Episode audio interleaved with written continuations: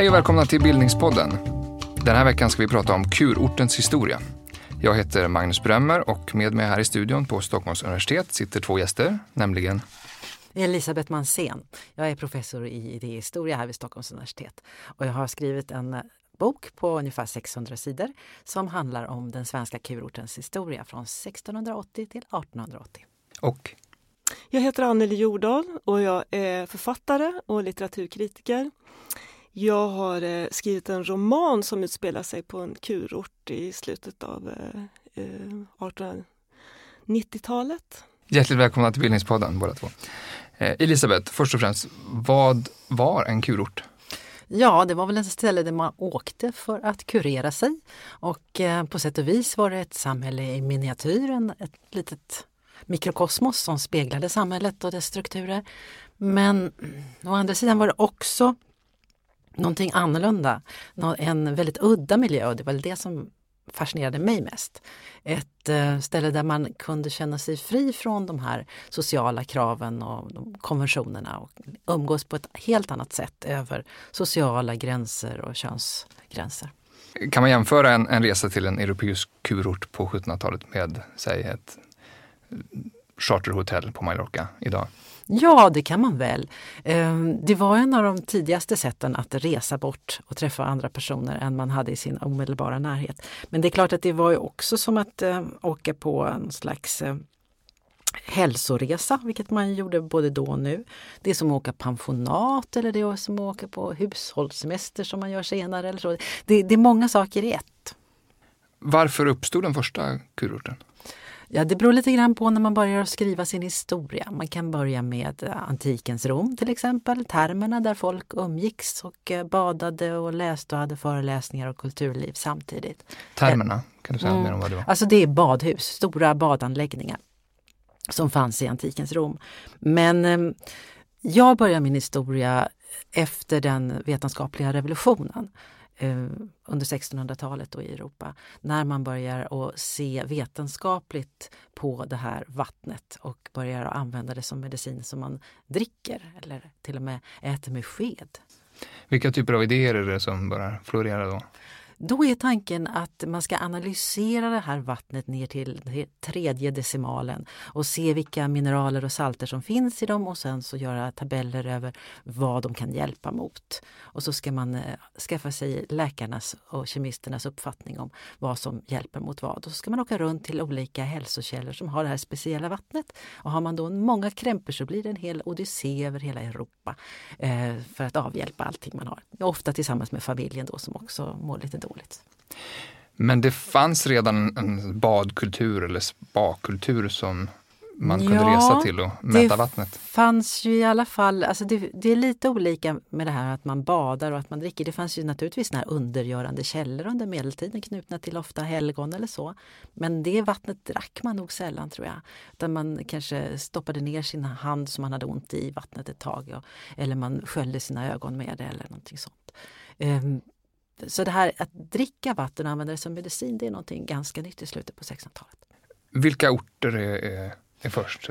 Ja, den som är mest känd är naturligtvis Spa eftersom den har, som ligger i Belgien då, som har det namnet. Sen så finns det Baden-Baden är väldigt berömt tidigt, framförallt för sin roulette som anses ha guldmarker och sånt. Så det, det, är många kurorter. I Tyskland, Italien, Vichy. Många av de här bubbelvattnen vi har idag kommer ju från sådana ställen bubbelvatten och roulette. Och vad, vad var det för typ av miljöer? Kan du beskriva ja, någon ord? Det är det här lilla samhället i miniatyr med, eh, ja, som fungerar egentligen bara på sommaren då, eh, under några månader. Och så kommer man dit under en termin som det heter, fast det är ofta kanske fyra veckor, max sex. Och så genomgår man en speciell kur. Man besöker läkaren först och så får man reda på vad man ska, hur man ska leva. Och vårda sin hälsa under en månads tid. Reste man dit av olika anledningar? Väldigt olika anledningar.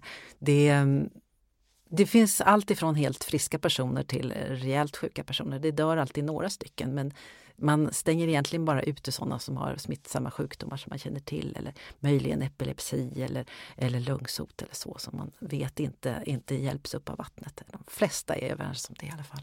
Vilken var den vanligaste krämpan? Ganska ofta så var det då kroppsliga sjukdomar. Man hade dålig mage av att ha ätit eh, illa kanske eller för lite eller för mycket. Och att man hade ledgångsreumatism eller gikt eller sånt. Det var ganska vanligt. Men sen var det också så att man hade psykiska problem, var deprimerad eller så. Det var väldigt många olika anledningar man reste dit för och också sociala, väldigt mycket sociala tror jag. Man umgicks, man eh, kom bort ifrån från de miljöer som var ohälsosamma. Det finns ett väldigt starkt civilisationskritiskt drag i kurortskulturen. För att redan på 1700-talet och ännu mer på 1800-talet så var det städerna som man ansåg var, de var, var inte alls nyttiga för folk. De var bullriga, de var smutsiga, de var stressiga. Man skulle ut i naturen, få frisk luft och röra på sig. Och det sägs att det är i kurortsmiljön som den här tanken att man måste röra på sig och hela sjukgymnastiken egentligen växer fram. Vilka typer av människor är det som reser till kurorter? Ja, det är ju då väldigt olika. Man tänker ju ofta mest på de här fina människorna som uppsöker kurorter på 1700 och 1800-talet. Men det är alla möjliga grupper och den säga, lägre, enklare folket och medelklassen är hela tiden den stora gruppen. Även på 1700-talet när man tycker att adeln dominerar, men de dominerar bilden av det. De dominerar aldrig på kurorten. Varken för verksamheten, för ekonomin eller för ja, för, för dem själva så att säga. Utan det är, och det är också så att väldigt fattiga personer helt utan resurser kommer till kurorterna. Det anses vara en religiös plikt att ta emot dem. Det här är en gudagåva och den måste vara tillgänglig för alla. Och det är också så att, det kommer, att man kommer dit med sina barn. Det är inte bara så att det är gamla personer. Så det är, det är verkligen alla möjliga slags gestalter som, som man kan möta i kurorternas parker.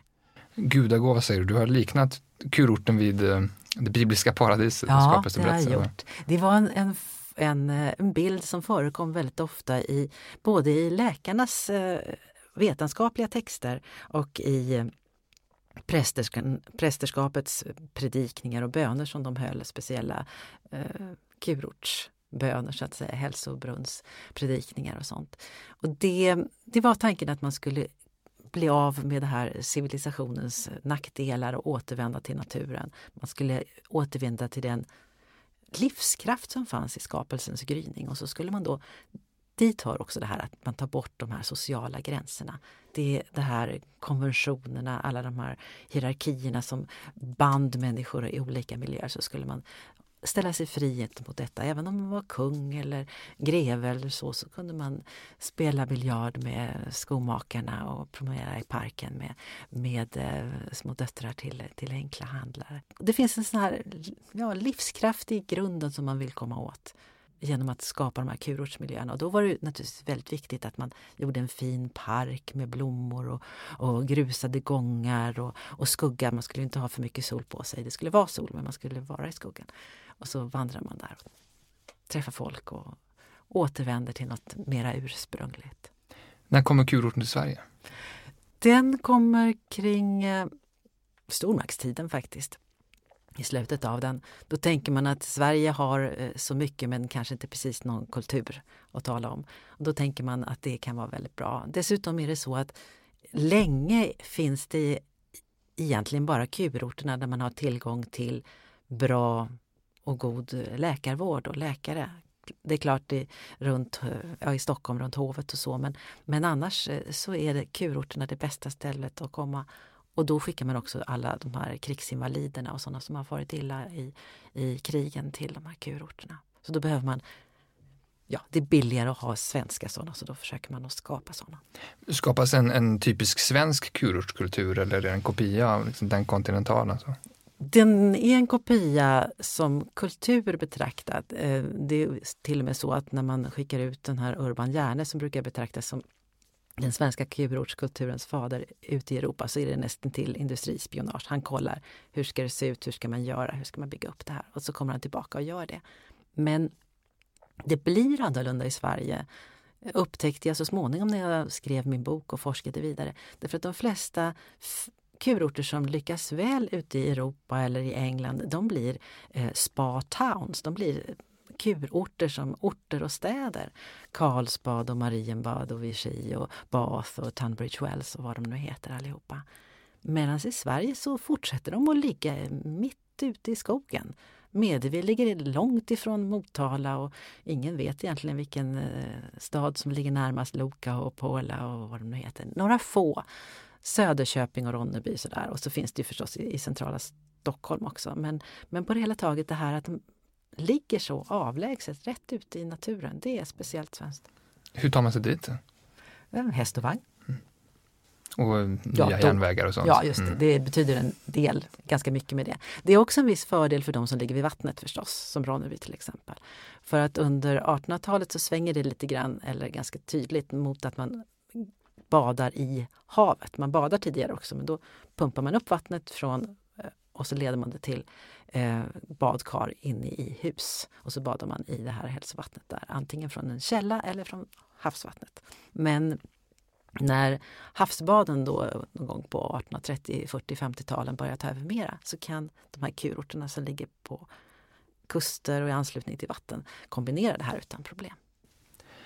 Anneli, eh, din roman Augustenbadens sommar utspelar sig på Augustenbad, alltså en verklig kurort eh, norr om Katrineholm. I, En mil norr om Katrineholm.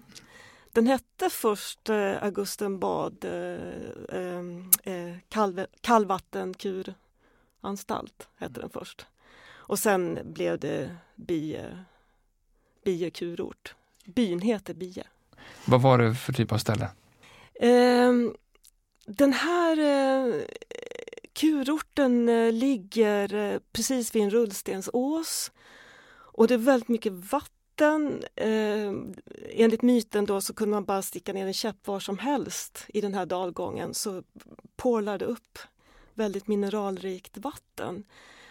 Så mycket tidigt så fanns där en järnkälla dit folk åkte och drack vatten, även de obemedlade. Och särskilt på midsommarafton skulle man dricka det här vattnet för då eh, hade man störst utsikter att bli frisk från den åkomman man, man hade. Men sen växte den här fram på 1800-talet. Först var det en eh, kurort som var rätt mycket för överklassen. Det var släkten Bonde på Eriksberg som eh, satsade på det här eh, och då var det rätt i hög grad ett nöjesställe. Att man hade sällskap och trevligt under sommaren och så. Men sen så kom eh, läkaren Per Axel Levin till den här eh, kurorten och då hände det saker för han var en eh, en väldigt modern man på många sätt. Per-Axel Levin han förespråkar den här eh, romantiska ehm, läran om hur människan ska kurera sig. Alltså man ska samtala med sin inre läkare. Man ska inte använda mediciner. Man ska åka till kurorten, man ska leva hälsosamt i frisk luft, gymnastisera och äta lättsmält föda och absolut ingen alkohol. Han blev ju en alkoholläkare, han var intresserad av det. Eh, Och det här blev en profil på Augustendag, Aug- Ja, Augustenbad. därför att eh, alltså det han gjorde, hans specialitet var att kurera eh, alkoholister, syfilitiker och morfinister med iskalla bad. Om man sammanfattar det. Så nykterhetsrörelsen som växte fram nu den börjar i den här lilla byn. Och han var ganska tidig med att se alkoholism som en folksjukdom, alltså en sjukdom som skulle kureras. Ingen som man skrämmer med djävulen och, och helvetet och så utan eh, det var en sjukdom som man skulle uppsöka läkare och kureras från den. Per-Axel Levin figurerar ju lite grann i din eh, roman eh, bakom doktor Liljedahl. Vilka typer av behandlingar eh, ordinerar han? Ja, det är lite olika vilken eh, sjukdom man har. Är man alkoholist så eh, blir man inbäddad i lakan som doppats i iskallt vatten. Man ligger som en mumie i detta blöta lakan. Det kommer in en baderska och virar in en och sen eh, så får man ligga där i några timmar och ska man helst inte tänka på alkohol då. Och sen kommer baderskan in och daskar hårt mot fotsulorna. Och allt detta är metoder som Per-Axel Levin har hämtat från Tyskland. Nu är jag så dålig på tyska, men vad heter han? Preisnitz? Hur Ja, jag tror han heter Prisnitz. Prisnitz. Mm. Mm. Vem var han? Det är de här lite hårda bandagen. alltså, med, alltså man botar med hydroterapi. Är, man dricker vatten och man badar i iskalla bad, man är insvept i iskalla bad och sen så en som verkar ganska ruggig det är att man ska eh, svepa in bålen och enbart den då med iskalla bad. och så skulle man bli kurerad från sin eh, alkoholism. Fungerade här, det? Eh, det är den vanligaste frågan jag får när jag håller föredrag. Och det här är lite svårt med kurorterna för att det i och med att det var i privat regi så det är väldigt svårt att få, få tag på dokument, eh, alltså journaler och sånt. Kan då kan jag hjälpa till. Nej men se, då kan ja. jag skriva en del ja, två. Nej, kanske, kanske inte just med Augustenbad men, men under väldigt lång tid eh, så var det så att eh, provinsialläkarna hade ett ansvar generellt för alla såna här kurorter som fanns i landet och de skickade in rapporter, väldigt noggrann statistik från alla dessa ställen till eh, Medicinalstyrelsen eller Sundhetskollegiet eller vad, Collegium Medicum eller vad det hette i olika tider. Och det märkliga är när man tittar på de här att det fungerar ganska bra. Så det är väldigt många som blir bättre. tittat i, i Nyköping. Alltså man gör sig lätt lustig över den här miljön och, och mm. det här tanken att de här lilla detaljerna av, av eh, mineral och salter skulle göra någon egentlig nytta. Och det tyckte de ju själva också som vetenskapsmän och läkare att det var problematiskt. Men statistiken visar att det hjälpte väldigt ofta. Och jag, det finns också en det är inte riktigt bara så att det är de som sköter kurorterna som gör de här undersökningarna eller underlaget till den här. Så att ja, man kan nog lita på det på någon nivå i alla fall. Och då får man tänka på allting annat som, ni, som du just nu beskrev. Att det är en behaglig miljö, man rör sig, man, det är många av sina dåliga vanor man lägger av under en månads tid. Tänk er själva om man åker iväg en månad och bara försöker att vårda sin hälsa och äta rätt och dricka rätt och röra på sig. Det kanske inte är så märkligt att det var bra och fungerade trots allt. Nej. Men han fick backa till slut. Han, han eh, kurerade eh, syfilissjuka med eh, också med hydroterapi. Och han hade många läkare emot sig. Eh, men till slut backade han och insåg att det behövdes lite kvicksilver för att stävja sjukdomen. Det är säkert alldeles rätt. När de flesta var emot just syfilis och epilepsi och eh, tuberkulos, det var inte något som de flesta trodde att man kunde avhjälpa. Men det fanns enstaka läkare som ändå hoppades. Både Levini och eh, en man i Uppsala. Men kvicksilvret var väl knappast mer välgörande? Men det hjälpte mot syfilis i små doser. Mm. Om, om, vi bara eh, stannar upp lite grann vid vattnet. Eh, du talar om, eh, om brunnarna och kylvatten och så vidare. Här har vi insvepning i kalla lakan och så. Alla former av vattenterapi. Mm. Men hur förändras den där synen, synen över tid? Ja, i början är det då badandet eller att man använder undergörande källor på olika sätt. Och det jag började studera i slutet på 1600-talet i Sverige då, det är det här att man dricker dem. Eh, och att man gör kemiska analyser av det och så. Men eh, sen tar den här badandet över trots allt mer och mer. Det kombineras länge. I England blir det en total motsättning mellan kurorter där man dricker och eh, badorter där man badar. Men i Sverige så eh, sker det inte alls på samma sätt utan det kombineras på olika vis. Och mot slutet av 1800-talet då är man ganska övertygad om att det här med, med mineralerna och salterna och det kemiska innehållet i vattnet är inte till någon större nytta. Men var det inte så att in på 1900-talet så åkte allt fler svenskar just på kurorter utomlands. Så att populariteten föll lite grann. Det är möjligt. Var inte det kurorternas heydays i slutet av 1800-talet och sen så stagnerade det lite grann? Det varierar nog mycket mer än så tror jag och beror lite grann på vilken det är. Men det är mycket möjligt, det, det är säkert så att det stämmer för din, eh, din miljö då. Men um, på, fram till första världskriget i alla fall så klarade sig de svenska kurorterna ganska bra av och till då. Det dippade på slutet av 1800-talet och så startade det igen på lite andra villkor och så. Men eh, under andra världskriget och under första världskriget så var det ju många som kom till Sverige förstås. För då var det fred här men krig i Europa. Under franska revolutionen likadant så kunde man inte åka till de franska kurorterna, då åkte man hit istället. Så att från eh, tiden för första världskriget så finns det till exempel från Ronneby det här reklamblad på ryska och franska franska och allting för då har man en helt annan marknad än man har före eller efter. Så det är egentligen först efter krigstiden då man får en helt annan syn på vad man ska göra med sin fritid och hur man ska leva överhuvudtaget. Och när, där den här borgarklassens diskreta skärm trots allt inte har samma lockelse längre. Sanatorierna i alpmiljö, mm. så hur hänger de ihop med kurorterna?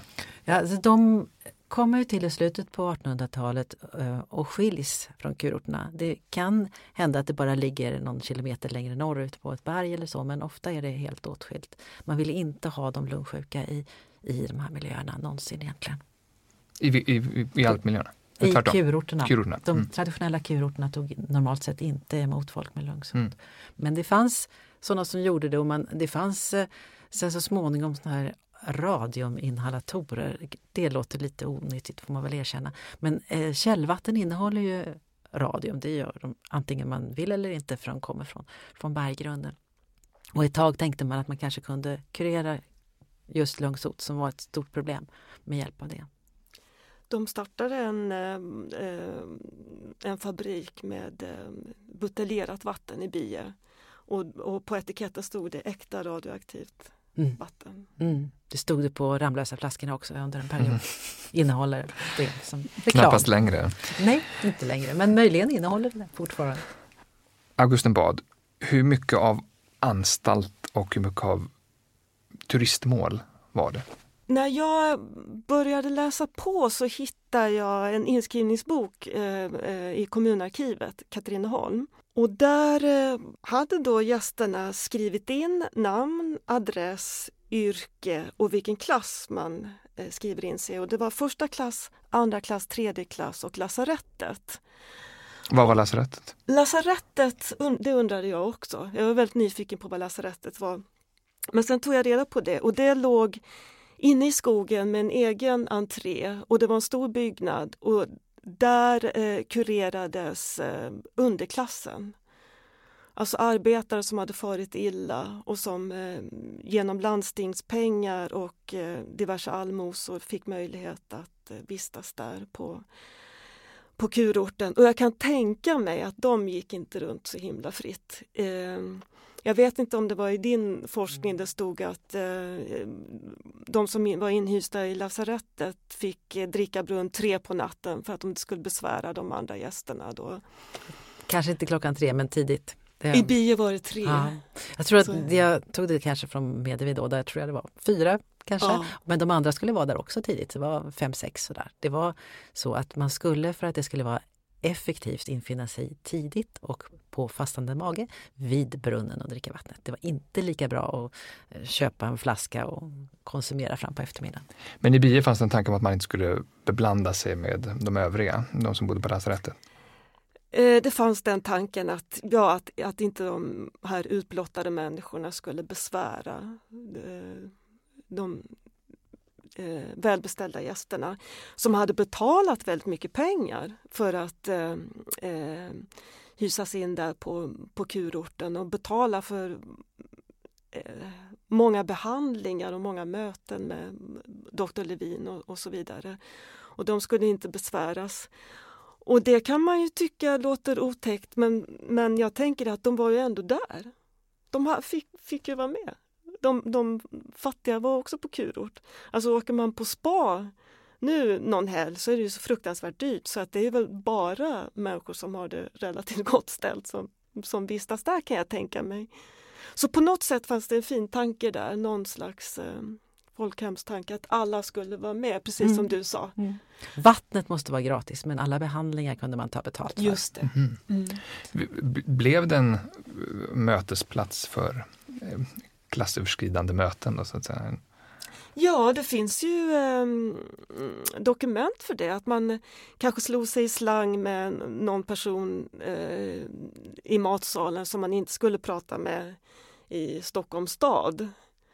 För där eh, är ju grupperna ganska homogena, klassgrupperna de lever ju ganska homogent. Så. Men eh, på kurorten så, så kunde man släppa lite grann på, på de här etiketterna och i, i Bie där så hade ju Per-Axel Levin beordrat att man fick inte eh, slänga sig med titlar. Eh, han införde du-reformen redan då, alltså i slutet av 1800-talet. Och man fick inte lyfta på hatten heller. Allt sånt tyckte han var trams. Och det hör till kurortskulturen så som ja. den ser ut. Och ofta var det också eh, belagt med böter att bryta mot de här reglerna och böterna gick då till vården av de fattiga. Så var det i bio också. Och så uppförde eh, Per-Axel Levin eh, amatör teatrar och så under sommaren. Så gästerna kunde vara med och uppföra skådespel och, och så. Och sen... Det var så ganska det... mycket kulturliv faktiskt. För att mm. dels var det som du säger att man organiserade de som var där. De kunde ju vara intressanta personer på många sätt. Men sen var det också så att det var på sommaren och då var det inte så mycket kulturliv i städerna. Så att eh, musiker och skådespelare, skådespelerskor, Emil Högqvist och alla som var berömda på den tiden åkte runt på kurorterna på sommaren och uppträdde det där tänker jag att vi ska komma in på mer också. Men det, jag tänker det, så det reglerande eller disciplinära draget hos kurorten, det har egentligen demokratiska syften snarare. Mm. Det fanns ofta en egen jurisdiktion, alltså de hade egen rättsskipning på de här kurorterna för de låg ju som sagt lite avlägset då. Så det utbildades tidigt stora långa stadgar och regler och sånt där. Man fick inte ha, man fick inte ha med sig värja och sånt där heller, man fick inte ha vapen.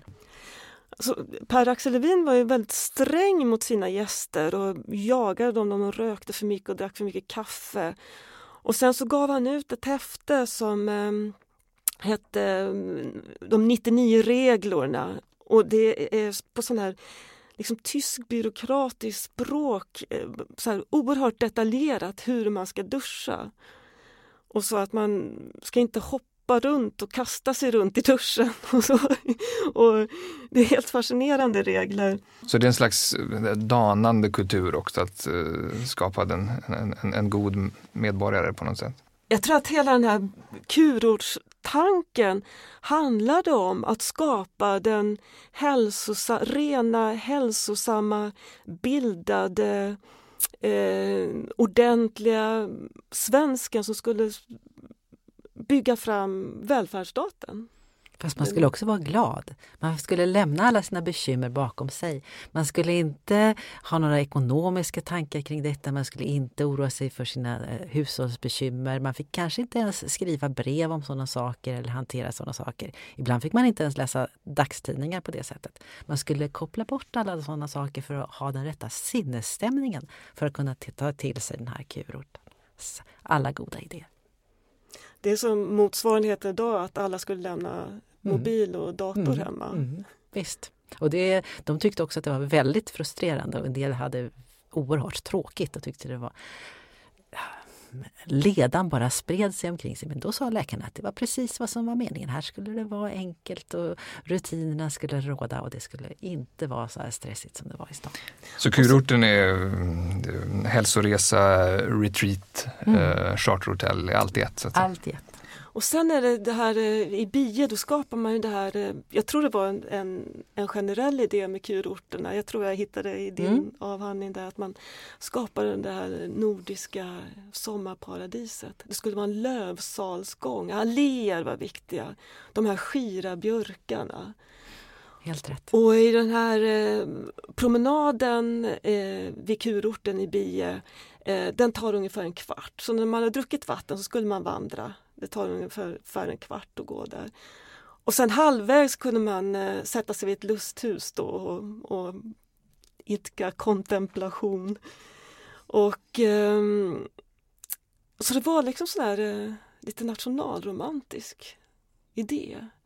Och på 1700-talet var det stora slottsarkitekter som Carl Håleman och så som la ut hur, precis hur de här alléerna och gångarna skulle gå till exempel vid Ramlösa brunn. Och själva den mest berömda allén av alla låg i Piemont i Tyskland. Så att det är den här eh, internationella kulturen ändå som, som präglar det hela. I svensk tappning då. Kurortens status i samhället, har den varierat eh, över tid?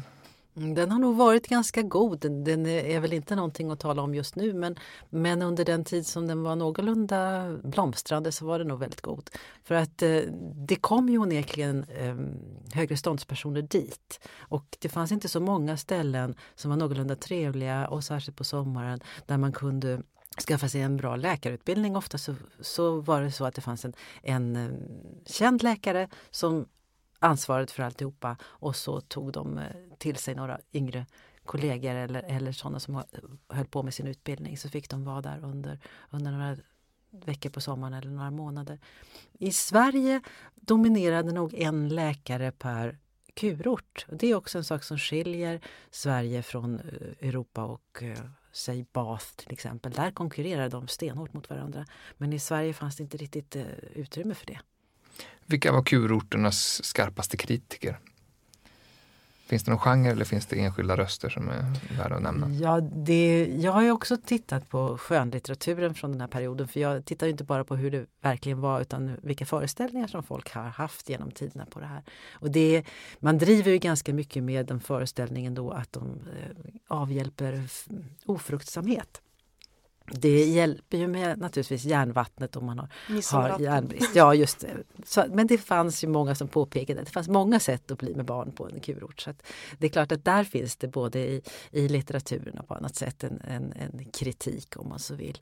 Sen eh, var det väl också en udda miljö att vara i. Så det är klart det fanns kritiker av det men, men inte i någon större utsträckning. Då åkte man nog inte dit bara. Men det var väl eh att eh, läkarvetenskapen växte fram, att allt skulle vara mer vetenskapligt, att man såg på kurortsfilosoferna som lite flum. Kom inte det i slutet av 1900-talet? I slutet av 1800-talet och kanske 1900-talet så var det säkert så. Men alltså, det är så som det uppstår så är det ju väl, det är väldigt eh, nära. Det är ju vetenskapen, det är ju det modernaste i vetenskapen. Och det är de stora vetenskapsmännen. Det är Linné som uttalar sig om det. Det är Berzelius och, och Bergman som jobbar med såna här saker. Så det är de stora vetenskapsmännen på den tiden som, som ägnar sig åt detta. Och gärna har ju också, man gärna har ju också en sån central position som kemi kemist. Så det är betydligt senare och då kommer kritiken, eh, så vitt jag kan se, huvudsakligen inifrån. Att de skriver i de här läkartidningarna att hur kan det egentligen vara så att det här kan ha någon effekt? Det är väl inte rimligt. Och då börjar de fundera på det här, de här sakerna som finns runt omkring. Att man byter miljö, att man byter läkare, att man vårdar sin hälsa på ett annat sätt. Att man inte dricker och äter så mycket onyttiga saker som man gör tidigare. Att man inte rumlar hela nätterna och spelar kort. Ja, sådana saker. Men ehm, ja, man funderar kring det. Men sen, det som du säger att under andra hälften av 1800-talet så när man känner sig allt mer osäker på den själva grunden för verksamheten så blir det väldigt många olika skolor och då skäller de ju på varandra förstås. Och säger att det här som du säger hjälper, det hjälper ju inte alls. Och så. Så då, men det, det är mest att man träter inbördes. Det finns ingen omfattande yttre kritik av det, det kan jag inte säga. Utan de flesta som kommer dit och tillbaka är nöjda. En del har tråkigt. Källgren har tråkigt. Men annars så. Min romanfigur är skittråkig. Mm. Men det har som sagt nästan till. Så eh, vetenskapen och medicinen präglar mm. de här ja, miljöerna men det är också, det. uppenbarligen finns det ju kultur. Vilken, mm. vilken oh, ja. roll har kulturen i En stor kulturen? Eh, viktig del av det hela och det är också väl integrerat i den ja, filosofi eller vetenskap som omger den. Att det handlar om själ och kropp tillsammans. Det är väldigt tydligt. Uh, inte på det här new age-artat eh, flummiga sättet utan på att man verkligen menar att det, att det hänger samman och att man inte kan, kan strunta i det ena och, och bara ägna sig åt det andra. Men som en form av underhållning på kvällar och sånt? Ja, det eller? också. Mm. Alltså det är det här att skapa den rätta sinnesstämningen som ska fungera så att man blir mottaglig för den här kuren. Och dit hör att man ska delta i det här kulturlivet också. Idag kan man ju få lyssna på valsång på span och sånt. Mm. Användes mm. musik i, ja, i behandlingar? Det eller? gjorde det och eh, det kurorterna är mest kända för är ju såna här blåsorkestrar, bläckblås. Det kommer ju lite senare, det finns inte så i alldeles i början men ändå. Och en del av dess funktion är att hålla folk vakna så att de inte somnar. Eh, att dricka för mycket vatten och att eh, gå omkring och röra sig ute i friska luften, då blir man lite sömnig fram på eftermiddagen. Då är det bra med lite, lite bläckblås som håller fart på dem. Och så. Men annars så är det kulturliv som man själva utövar. Det finns ju oerhört mycket amatörmusiker under 1700 och 1800-talet. Det finns ju inga inspelningar. Vill man ha musik måste man tillverka den. Och det gör de. Vad finns kvar av eh, den här kurortskulturen idag i, våra, i vår spakultur eller eh, turismen? Det finns dels själva lokalerna, platserna som är turistmål och en del av dem har någon typ av verksamhet för sig. Eh, landstinget kan skicka dit reumatiker och sånt fortfarande åtminstone till, till eh, Loka så vitt jag vet. Kan man besöka Augustenbad? Någon form? Eh, det är ju nedlagt men man kan vandra den här Lövsalsgången. Man kan, eh, de har ett evenemang, Biobrunns vänner, eh, som eh, eh, beskyddar vattnet som numera är kommunalt vatten. Så jag hade drack det ur kranen, det som folk betalade dyrt för. Jag var inte sjuk en enda gång de sju åren jag bodde i Bie. Eh, det är källbyggnaderna som finns kvar. Så när jag flyttade dit så var ju det enda jag såg den här kinesiska källöverbyggnaden, götiska. Och sen så fick jag då veta att den stora vackra trävillan uppe vid, vattnet uppe vid vägen, eh, det kallades för paradiset och där eh, hade eh, syfilitikerna varit, varit inhysta. Och så. Annars var det tomt och så olika skyltar där man kunde läsa historiken. Så på sitt sätt ett utflyktsmål men det har inte funnits något att göra. De flesta som vill åka långt till ett sånt utflyktsmål de vill gärna fika och sådär och det har varit väldigt trögt. Man kan inte ens dricka något vatten och, och så. Ja, de har gjort någon ful tillbyggnad sådär på 60-talet fullständigt brutalt och det passar inte alls in. Där kan man vrida på någon kran och så. så att det, det, de, de kunde gjort mer. Men det intressanta var att när jag började med min den här Gräv där det står, min lokala historiska grävning och att det sen blev en bok. Då ledde det till att kommunen restaurerade den götiska mm. Kälvebyggnaden som låg i smulor och flisor. Oh, så fantastiskt, så bra! Ja, så jag har liksom inte grävt brunnar i Afrika eller räddat världen från svälten. Jag har räddat en götisk källerbyggnad i Bie. det. Men, det har kommit en ja. Eh, skylt från vägen också. Bara det. För det, det, fanns inte ens det tidigare. Så nu kan turister hitta Litteraturens kraft. Men de har nog, eh, alltså, eh, ja, restaurerat en hel del av de här miljöerna. När jag började att skriva den här boken som var ganska länge sedan på 90-talet så så var de väldigt förfallna, även Medevi och så, det stod och förföll. Men eh, senare så blev det mer fart på det. Och sen kanske man inte heller ska helt bortse från att den här spakulturen som finns nu, som är modern, den, en del av dem använder sig av historien också i sin reklam och i sin verksamhet. Men vad finns kvar av kurortsandan, det där helhetstänket i, i den kulturen? Känslan av, av att eh, kropp och själ hänger samman finns kvar. Och eh, ska vi säga de här sensuella inslagen som trots allt finns fast man inte är så bra på att formulera sig kring det. Eller är väldigt försiktig med att formulera sig kring det. Vilka då tänker du? Alltså att, att, det är oerhört sensuellt att bada till exempel. Folk frös ju så förfärligt på den tiden, både i slotten och kojorna. Så att, att eh, det är många som beskriver i sina dagböcker och sina brev från de här kurorterna vilken, vilken lycka det var att lägga sig i varmt vatten och, och må bra. Finns det någonting i eh, den gamla kurortskulturen som har gått förlorat och som ni skulle vilja ärrädda in i, i vår tid? Det är väl just det där att ehm, eh, platser där människor samlas från olika samhällsklasser och på ett jag har gemensamma sysslor och jag försökte tänka, finns det någon sån motsvarighet idag? Så kom jag på, det är ju de här återvinningsstationerna som man åker till soptippen. När man åker, där samlas ju alla och det kan bli lite sån här folkfest, i alla fall på landet. Jag tyckte det var jätteroligt att åka till, till ehm, eh, den här soptippen utanför Katrineholm. De som är ansvariga där är ju som småpåvar nu, de, vet, de kan ju väldigt mycket om material och sånt och står och pekar med hela handen så man skick, skickar grejerna i rätt container och så. Där samlas folk och man bara prata och träffar sådana som man aldrig skulle träffas tidigare. Jag tror att det är det som är motsvarigheten. Men det som sällan finns det är ju just det här att, att vistas på en plats ja, men det här att vistas på en plats kanske tre månader och bara vara hänvisad till naturen och till samtal. Att inte ha något digitalt eller inte eh, plåta varenda eh, träd och så lägga upp det på Facebook utan bara ta in och hitta den här som eh, Levin sa att man måste hitta sin inre läkare. Man måste försätta sig i ett sånt läge så att man börjar prata med sin inre läkare.